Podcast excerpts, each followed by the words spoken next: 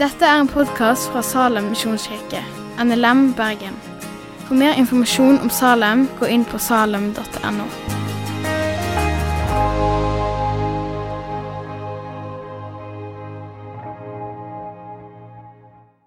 Takk, eh, takk Gud Ole Kristian som skal tale her i, i kveld. Takk for det som du har lagt på, på hjertet hans.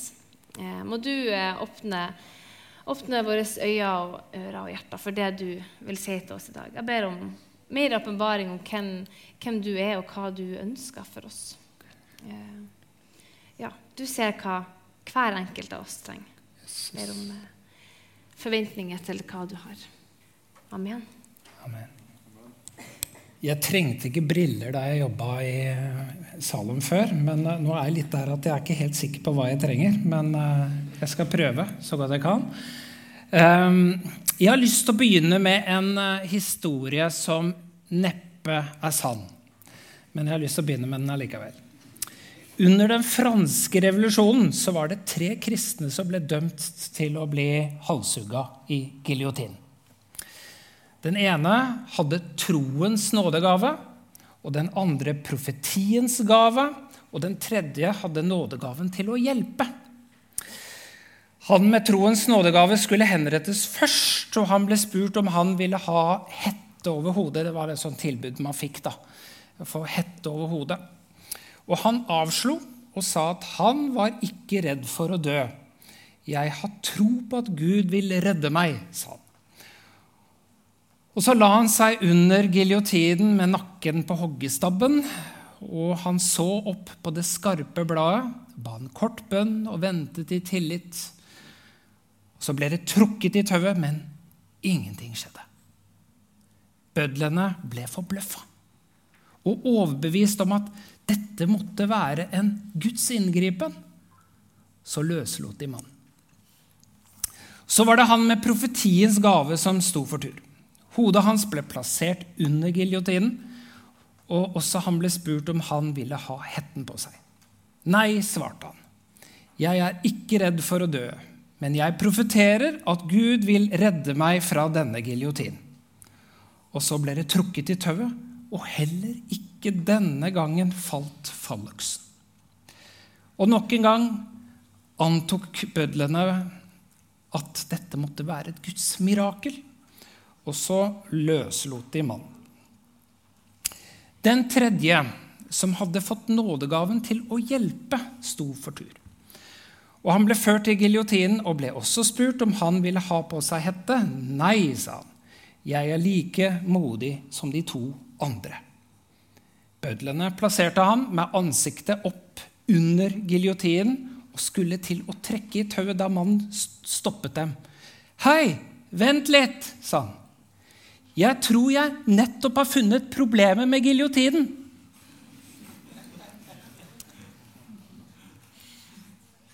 Det er nådegavene som er temaet i dag. Eh, og de kan få litt sånn ulike følger. Eh, de åndelige nådegavene er det temaet som jeg har fått. Og det er jo en del av en, en temaserie som går på dette med Kristi kropp. Hvilke nådegaver er egentlig åndelige, og hvilke er ikke åndelige? Når alle nådegavene dypest sett er virket av Den hellige ånd. Alle nådegavene er vel egentlig på en eller annen måte åndelige? er det ikke det? Ofte så har man kanskje brukt begreper som overnaturlige om noen av nådegavene. Men heller ikke det tror jeg er et veldig godt ord. For hva er egentlig naturlig og unaturlig i en verden der Gud eksisterer og virker? Det kan være litt sånn skummelt å dele inn virkeligheten i kategorier som dypest sett har rot i et sekulært verdensbilde. La oss ganske enkelt si at jeg skal snakke om noen av nådegavene i kveld. Og si noe om hva Bibelen sier om disse. Og jeg vil også dele noen erfaringer og egne refleksjoner rundt praktiseringen av disse nådegavene. Så har jeg lyst til å be. Jesus, Herre, Jeg ber om at det er du som eh, lærer oss noe om dette her i dag gjennom ditt ord. Amen. Hva tenker du når du hører ordet nådegave?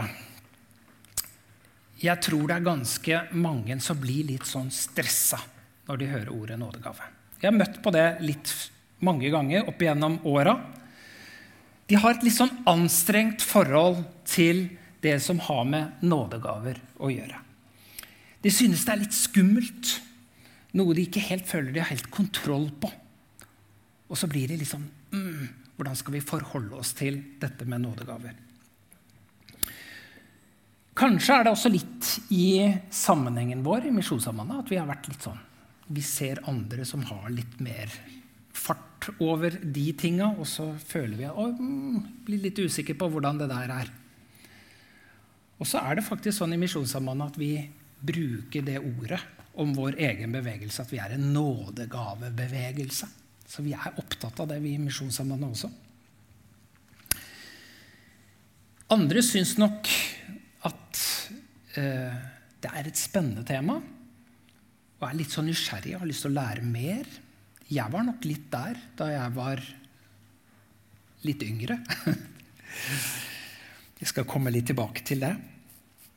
Men uansett hva du tenker om nådegaver, så er nådegaver noe som Bibelen taler om.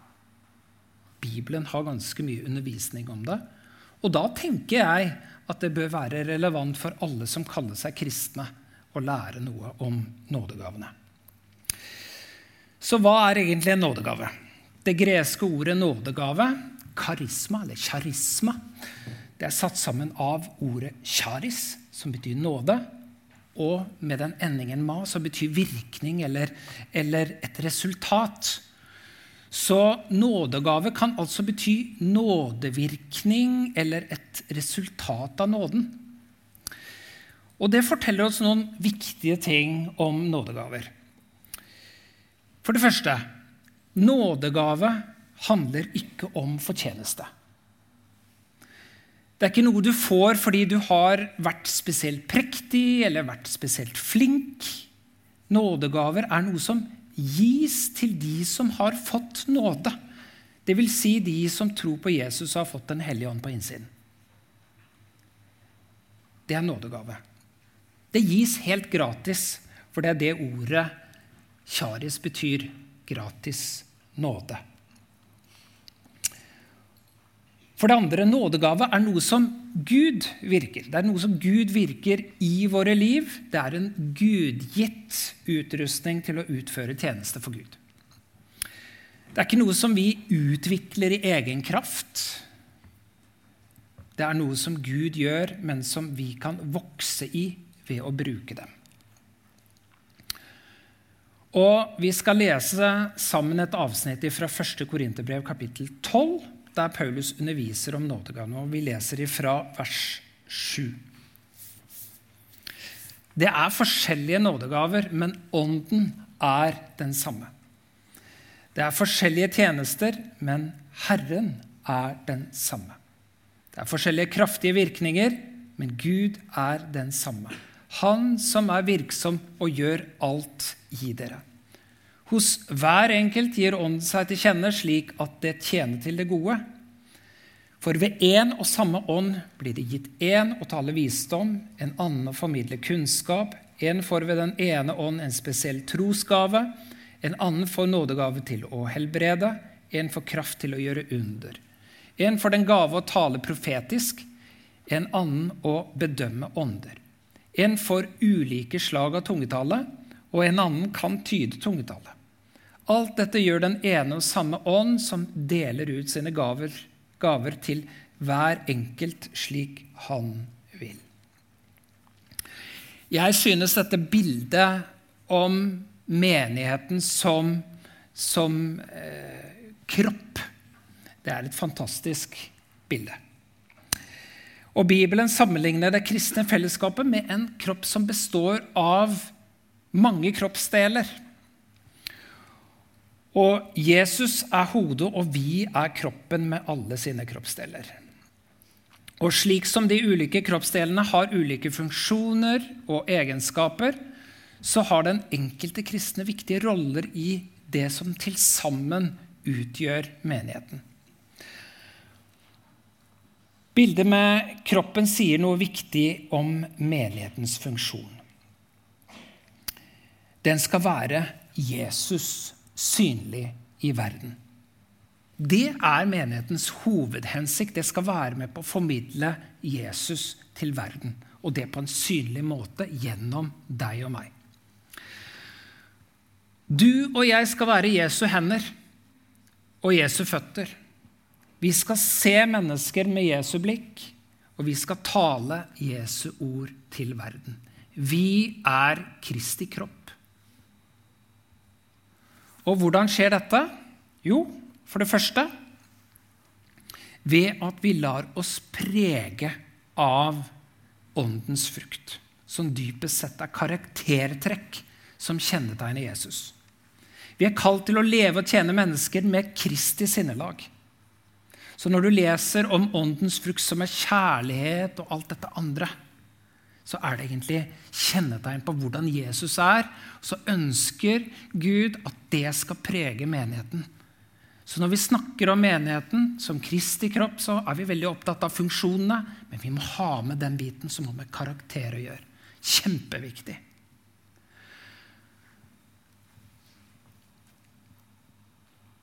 Og for det andre så skal menigheten gjøre Jesu gjerninger. Åndens gaver er dypest sett menighetens Jesusegenskaper. En utrustning til å gjøre Jesu gjerninger i verden. Åndens frukt og åndens gaver hører sammen i en sunn menighet. Det er derfor Paulus midt i sin undervisning om nådegavene har putta et helt kapittel, kapittel 13 i første Korinterbrev. Der kommer kjærlighetskapitlet. Midt i undervisningen om nådegavene. Hva nytter det med de edleste handlinger og de flotteste ord om det ikke er kjærlighet? Det er åndens frukt som også må være en del av dette bildet. En litt alvorlig side av dette bildet med kroppen, det er hva som skjer når åndens frukter mangler i Guds menighet. Når det istedenfor kjærlighet er hat, splid, baktalelse osv. Eller når noen av åndens gaver mangler eller ikke er i funksjon i menigheten kan det hende at vi da har en svekket evne til å vise Jesus til menneskene rundt oss. En svekket evne til å på en effektiv måte være Jesus synlig i vår by, i vår verden. Jeg tror det kan være en viktig selvevaluering i møte med det Bibelen sier om nådegavene også. Poenget er dette som har med åndens gjerning å gjøre, både åndens frukt og nådegavene, må ikke bare være for spesielt interesserte.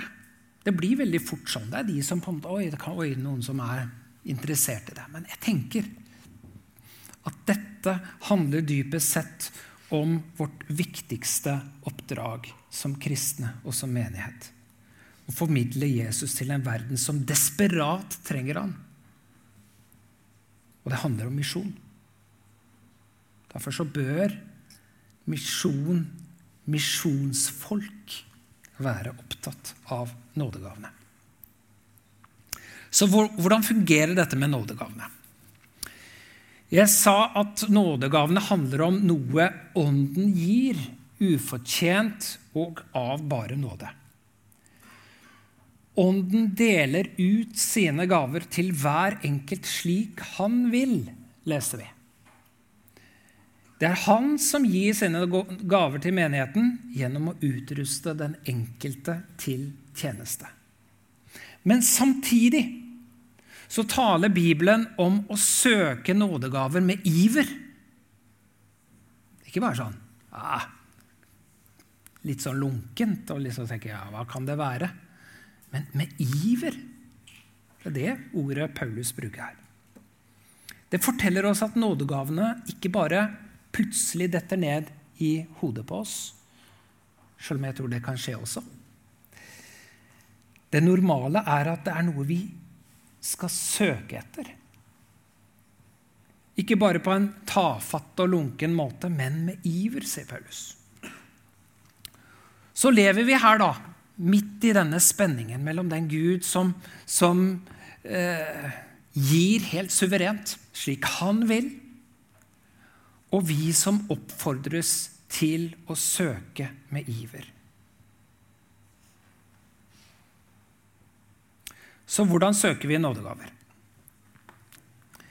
Først og fremst så handler dette om en virkning eller et resultat av nåden, som jeg sa.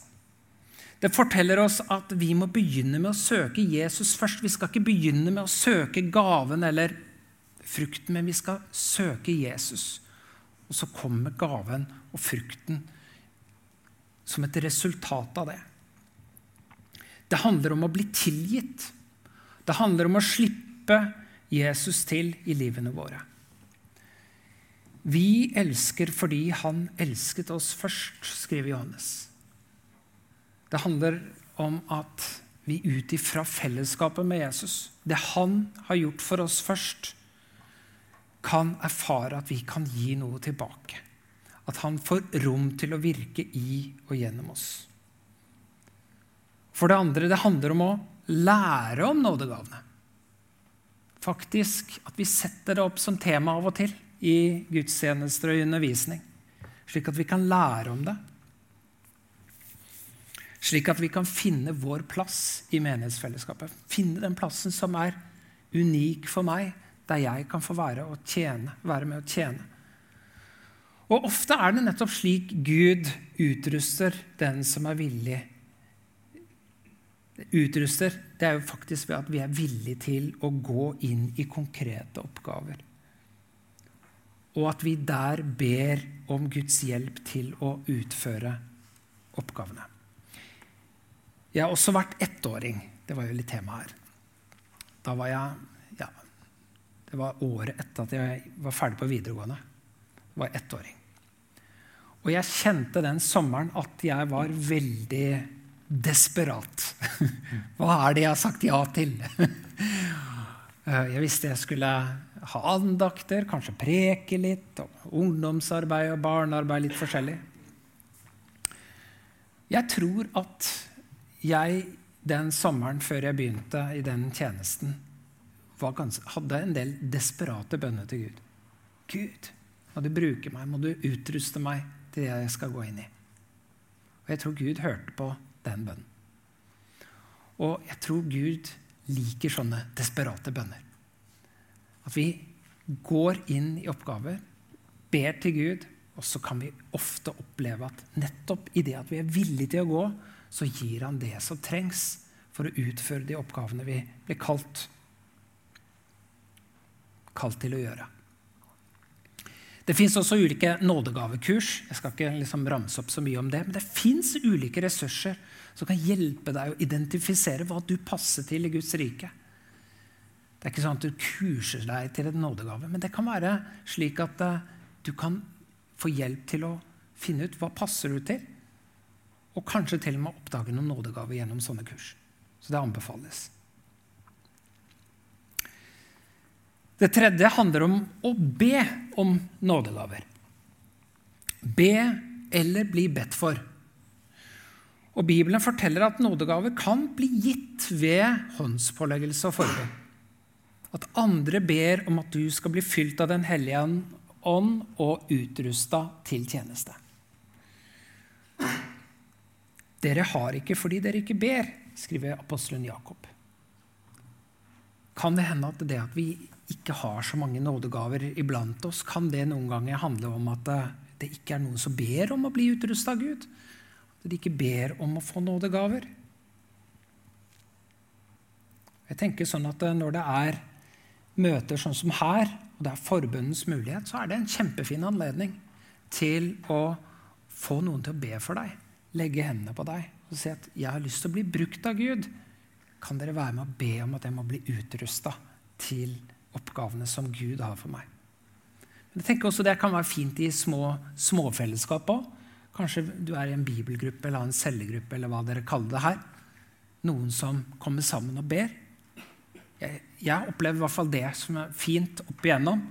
Å ha en liten gruppe som, der vi liksom kunne be for hverandre om at Gud måtte utruste.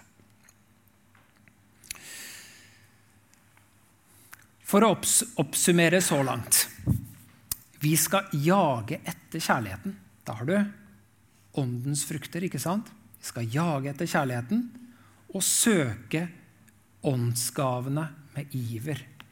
Særlig å tale profetisk, skriver Paulus. Og Da kommer vi til nådegavene jeg er utfordra til å si mest om i dag. Det er tungetale og profetisk tale. Så la oss begynne med tungetale. da. Er det mange som har hørt undervisning om tungetale i Misjonssambandet? Ikke jeg heller. Så det er ikke så ofte jeg snakker om det. Men tungetale er altså en nådegave som er omtalt i Bibelen, som handler om å snakke et språk, som regel et språk ingen andre forstår. Det finnes ulike slag tunger, ulike slag tungetale, og den vanligste typen det er tungetale i bønn. Den gaven har jeg sjøl. Den har jeg hatt siden jeg var 19 år. Og Jeg husker jeg hadde sommerjobb i Oslo, og eh, en dag eh, jeg var på vei hjem fra jobben Kanskje var det det som gjorde at jeg var litt sånn ekstra happy. Jeg vet ikke. Men jeg gikk på vei hjem fra jobben, hadde tatt trikken opp et stykke ut av sentrum, og så gikk jeg mot der jeg bodde. Eh, og så ba jeg til Gud mens jeg gikk der. Og mens jeg ba, så dukka det opp noen sånne uforståelige ord. Noen måneder i forveien så hadde jeg bedt om å få tungetale. Det var noen som hadde den gaven, og så ble jeg litt nysgjerrig på det sjøl. Kan ikke dere Ja, dette hørtes spennende ut. Og så ble jeg bedt for, uten at det skjedde så veldig mye, egentlig. Eh, og jeg hadde vel egentlig eh, tenkt at jeg ikke skulle få den nådegaven. Men så var det der. Bare plutselig. Da kom det liksom i huet, da, som jeg var inne på. Jeg gikk der, så var jeg litt skeptisk. Hva er dette her for noe? Kunne det være noe jeg fant på selv? Eller noe som ikke kom fra Gud? Ikke sant? Det var den sambandsmannen som våkna i meg, som var litt skeptisk til dette her. Men så tenkte jeg vil en god Gud gi meg noe farlig eller skadelig hvis jeg ber ham om en nådegave. Og Det er jo faktisk noe som Jesus taler om òg. At, eh, at vil, vil, far gi en slange hvis noen ber om mat? ikke sant? Selvfølgelig er ikke Gud sånn.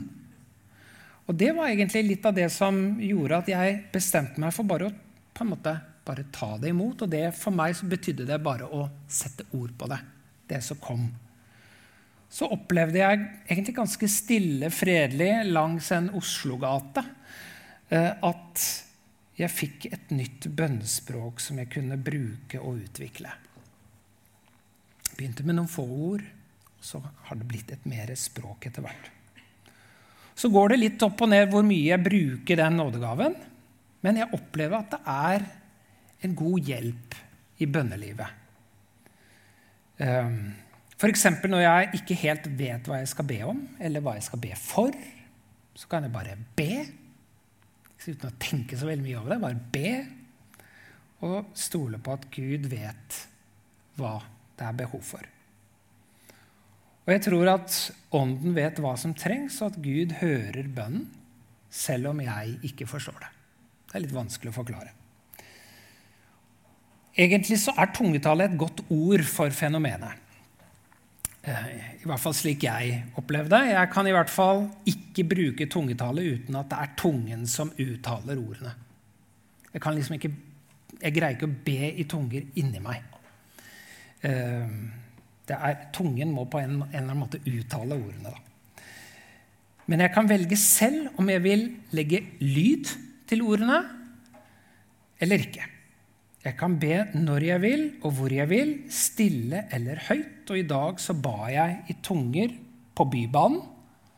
Og jeg tror ikke den som satt ved siden av meg, tenkte over det. Men jeg kunne be i tunger der. Eh, be til Gud der og da. Eh, og så merker jeg at det er bra for meg. Det, jeg vet ikke hvordan jeg skal forklare det. Man kan gå på et møte og kjenne seg oppbygga. På en måte så er det litt av den samme frukten av å be i tunger.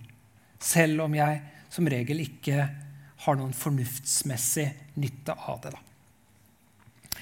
Av og til så har jeg merka at tungetalen ikke bare er for meg selv, men et budskap til andre. Det oppleves litt som å få hjertebank på et vitnemøte. Er det noen som har opplevd det noen gang? Du kjenner Oi, har, det, er, det er noe, jeg, noe, som må sies. Det er noe Ikke sant? Eh, jeg husker jeg var lenge ganske redd for å dumme meg ut hvis det ikke var noen som tolka. For da, da mener jeg at det skal tolkes. da. Men så fikk jeg fred for at jeg måtte være lydig med, jeg måtte være lydig med min del. Og så måtte jeg stole på at Gud gav tydningen til noen andre. Og så var det en sak mellom den og Gud om vedkommende er lydig eller ikke. Sånn tenkte jeg, da. Ehm, da jeg jobba i eh, Jo, eh, en gang så Jeg opplevde noen ganger eh, at, at det ikke kom noen tydning. Jeg opplevde noen ganger. Og den ene gang så ba jeg om å få den selv. Det står det faktisk at vi kan gjøre. Og så fikk, noen, så fikk jeg noen tanker som jeg tenkte hmm. Og så delte jeg det. Veldig nølende. Veldig famlende. Men jeg sa at jeg fikk disse tankene. Jeg vet ikke om det er tydningen, men jeg deler det. Så kom det en person etter møtet og sa at han hadde fått tydningen for første gang men ikke våget å si det. Men så ble det en sterk bekreftelse for både han og meg at det var samstemmig, det han hadde fått. Det var litt sterkt, det må jeg si. Av og til føler du deg litt dum når du driver med sånt. Da jeg jobba i Salem Det er jo begynner å bli noen år sia. Da hadde vi folk i forsamlingen som vi, vi visste hadde ty tydegaven. Det var én eller to i forsamlingen. Og da var det faktisk ikke så sjeldent at det var budskap med tydning i møtene. At jeg fikk det i møtene.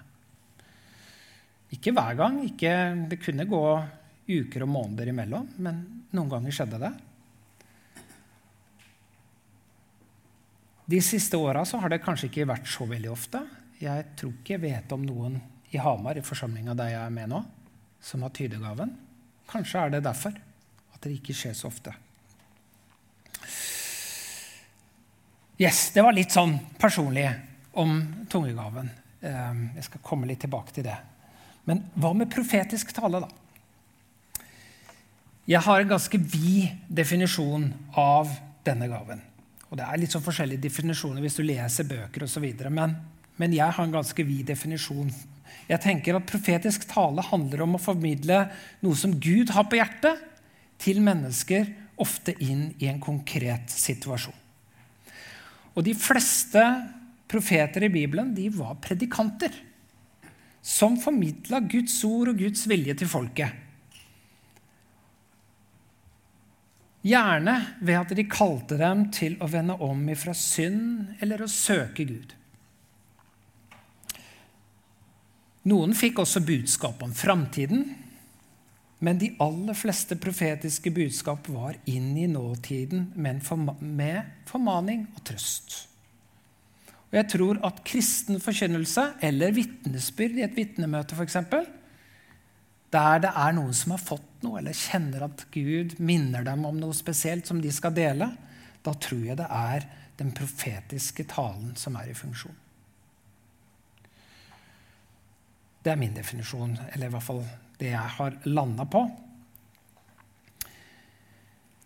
I menigheten i Korint så var det nok mange som syntes at det var ekstra stas med disse nådegavene som det var litt sprut i. Disse, det de kalte for uh, disse ekstra åndelige nådegavene. Som f.eks. tungetale. Det leser du mellom linjene når du leser i 1. Korinterbrev.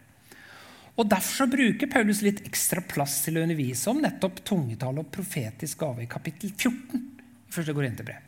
Og er en rask sammenligning av disse nådegavene. Ikke alle kan tale i tunger, sier Paulus i 1. Korinterbrev 12,39. Taler vel alle i tunger, sier han. Et retorisk spørsmål der spørsmålet, eller der svaret er nei. Selv om Paulus også bruker det retoriske spørsmålet om profeter, den rollen, så står det tydelig i 1. Korinterbrev 14,31 at vi alle kan tale profetisk. Så det ligger, tror jeg, ganske latent i den enkelte kristne at du kan være talerør for Gud. Gud kan minne deg om noe i møte med enkeltmennesker eller i et menneskefellesskap.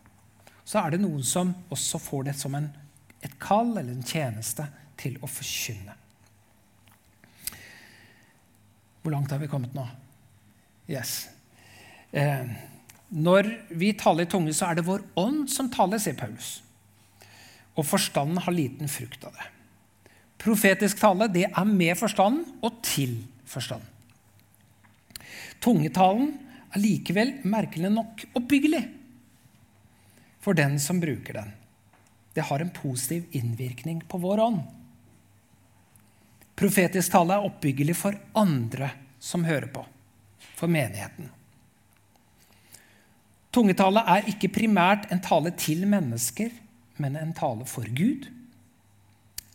Derfor tror jeg det primære går i at det er bønn og lovprisning i tunger.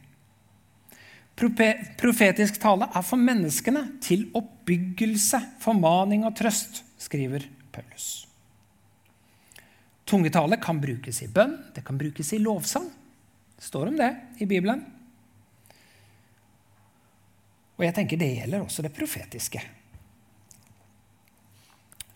Tungetale kan av og til tydes, og da får budskapet en profetisk funksjon. Det blir som profetisk tale som kan forstås. Og her er noen flere ord fra Paulus. Jeg har lyst til å bare ta det litt fort. Jeg skulle ønske at dere alle talte i tunger.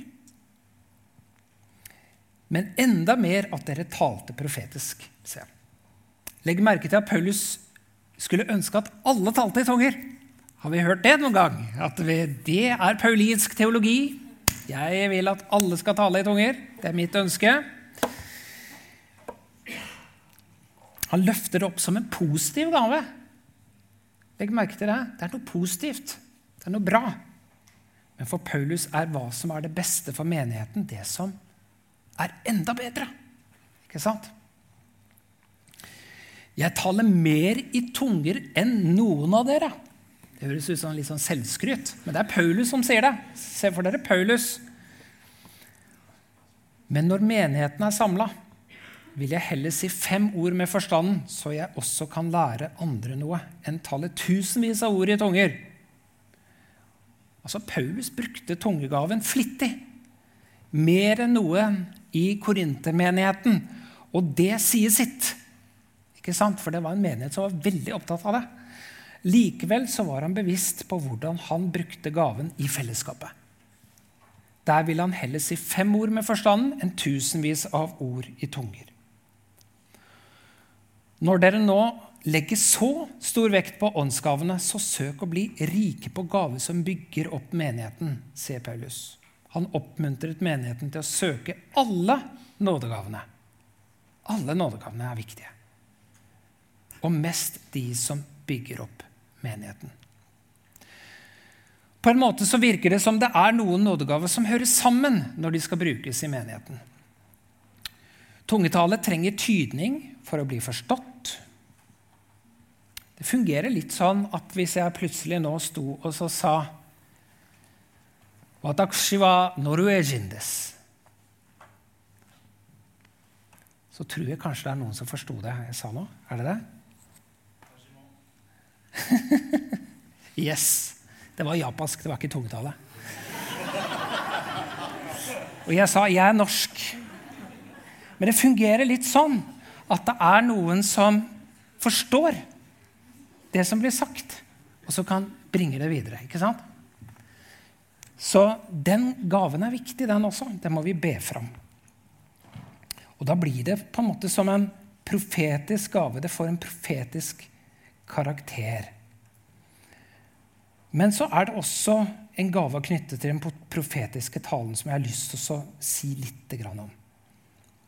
Det er gaven til å prøve åndene. Bedømme ånder, sier Paulus. Og jeg har lyst til å ta det fram, for jeg tror det er kjempeviktig i dag. Jeg tror vi lever i en tid der det blir mer og mer viktig at menigheten er rusta til å bedømme ånder og strømninger i tiden. Det handler ikke om at en skal være negativ og kritisk til alt mulig, men at vi bør ha evne til å vurdere det vi møter, både i menigheten og ellers i samfunnet.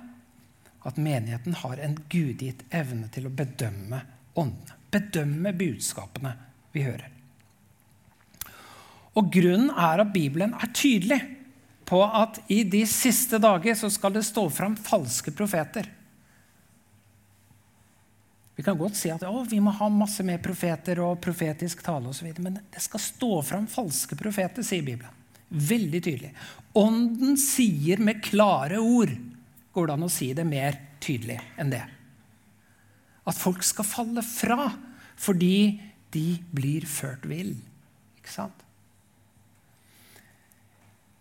Og jeg har sett altfor mange eksempler på hvordan det profetiske, det profetiske blitt misbrukt til å manipulere, gi falske forhåpninger eller til å legitimere usunn åndelighet.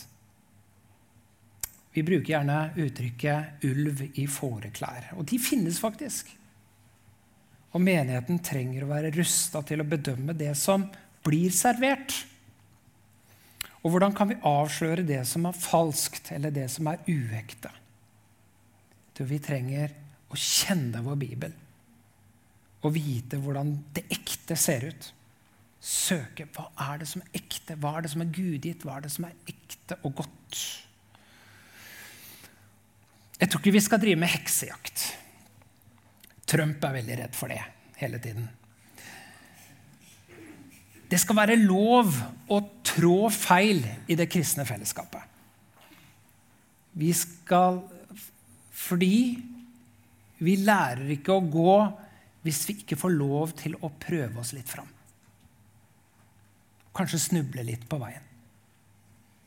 Derfor må nådegavene få vokse fram i et nådefellesskap der vi tilgir hverandre, der vi gir hverandre nye sjanser, der vi veileder hverandre. Slik kan vi sammen vokse i tjenesten for Gud.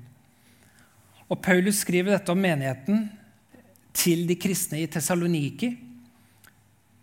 Slukk ikke ånden. Forakt ikke profetord, men prøv alt og hold fast på det gode.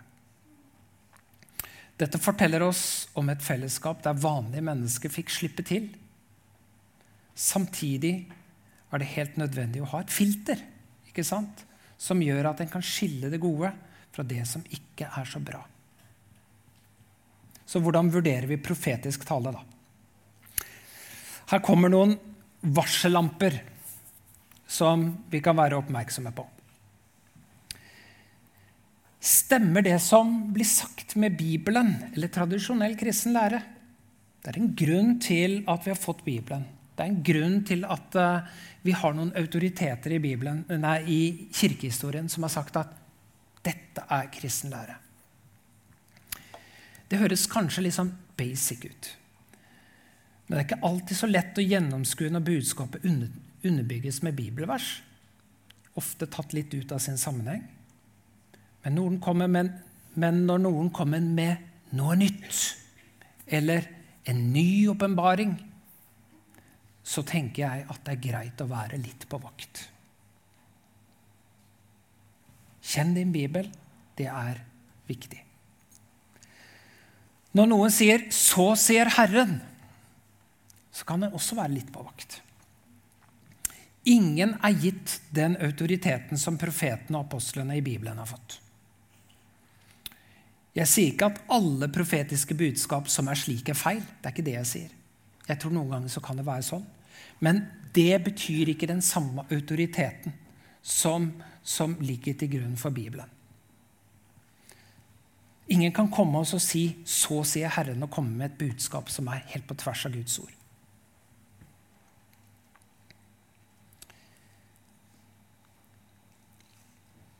Ofte så kan det også fungere litt manipulerende ikke sant? når noen sier 'Gud har sagt'.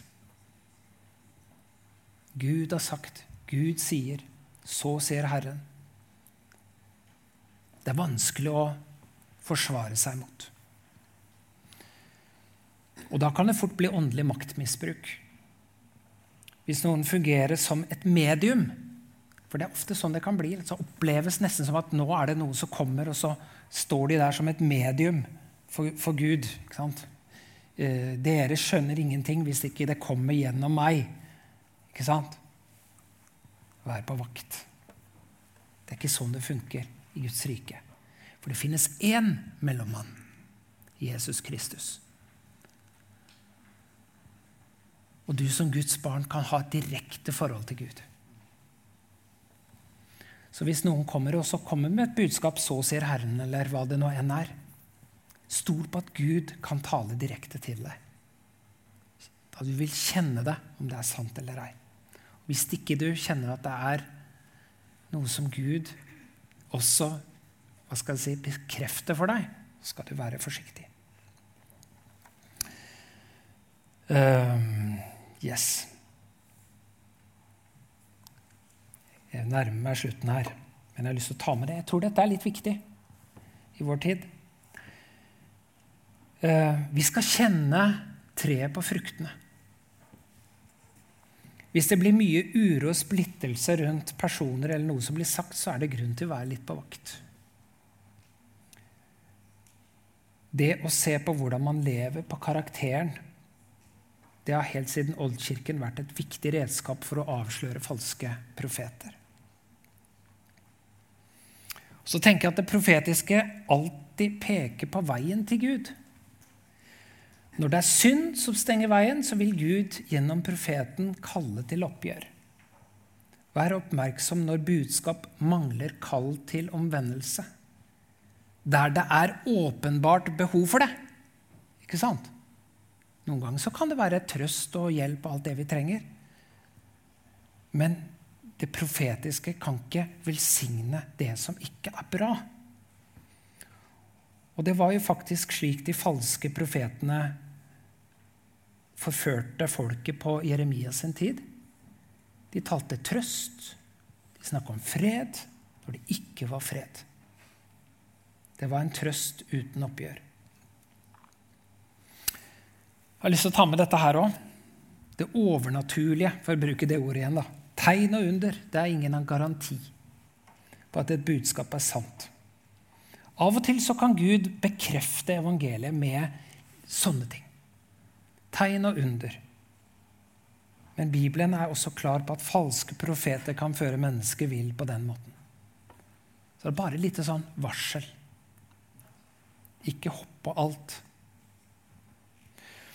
Jeg håper ikke du blir skremt av disse varsellampene. Det er ikke det som var hensikten. De er ikke ment for å ta fra deg frimodigheten, men de skal bare være med på å peke på ting som vi kan være oppmerksom på, som jeg vet, jeg er ganske sikker på, er aktuelle rundt omkring. Paulus han oppsummerer sin undervisning slik.: Vær ivrige etter å tale profetisk, og hindre ikke tungetale, men la alt gå sømmelig og ordentlig for seg. Paulus setter ikke tungetale og profetisk tale opp mot hverandre som motsetninger. Han heier på at nådegavene skal fungere i menigheten etter sin hensikt. Så legger han spesiell vekt på det å tale profetisk. Men også tungetale har sin plass og sin funksjon. Den skal ikke hindres. Det viktigste for Paulus er at alt må skje på en god og ryddig måte. Og hvorfor det? Jo, fordi en sunn bruk av nådegavene fører til at den enkelte kristne og menigheten som fellesskap fungerer som den skal, etter sin hensikt.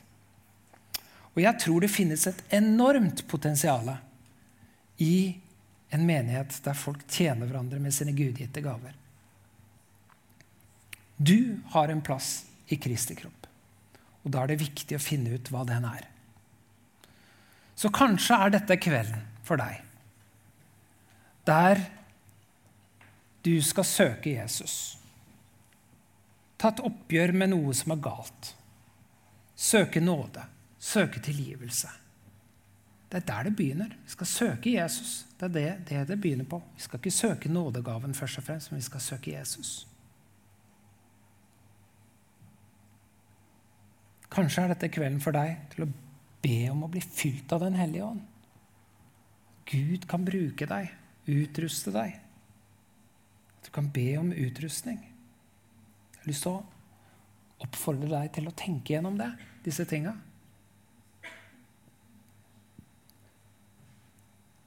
Tenk om vi kunne se Guds menighet reise seg med den kraft, den frimodighet og den utrustning som Gud har for den. Det kan bety en stor forskjell. Jesus kan gjøre langt mer enn vi ber om og forstår. La oss be. Jesus,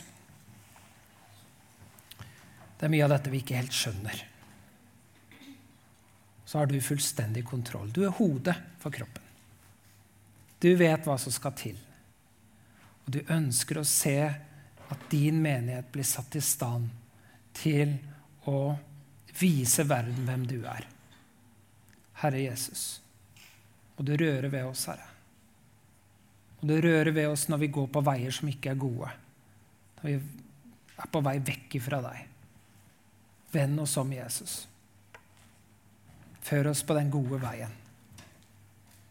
Og Jesus, gjør oss åpne for det du vil gjøre i våre liv det du vil virke i oss og gjennom oss, Herre.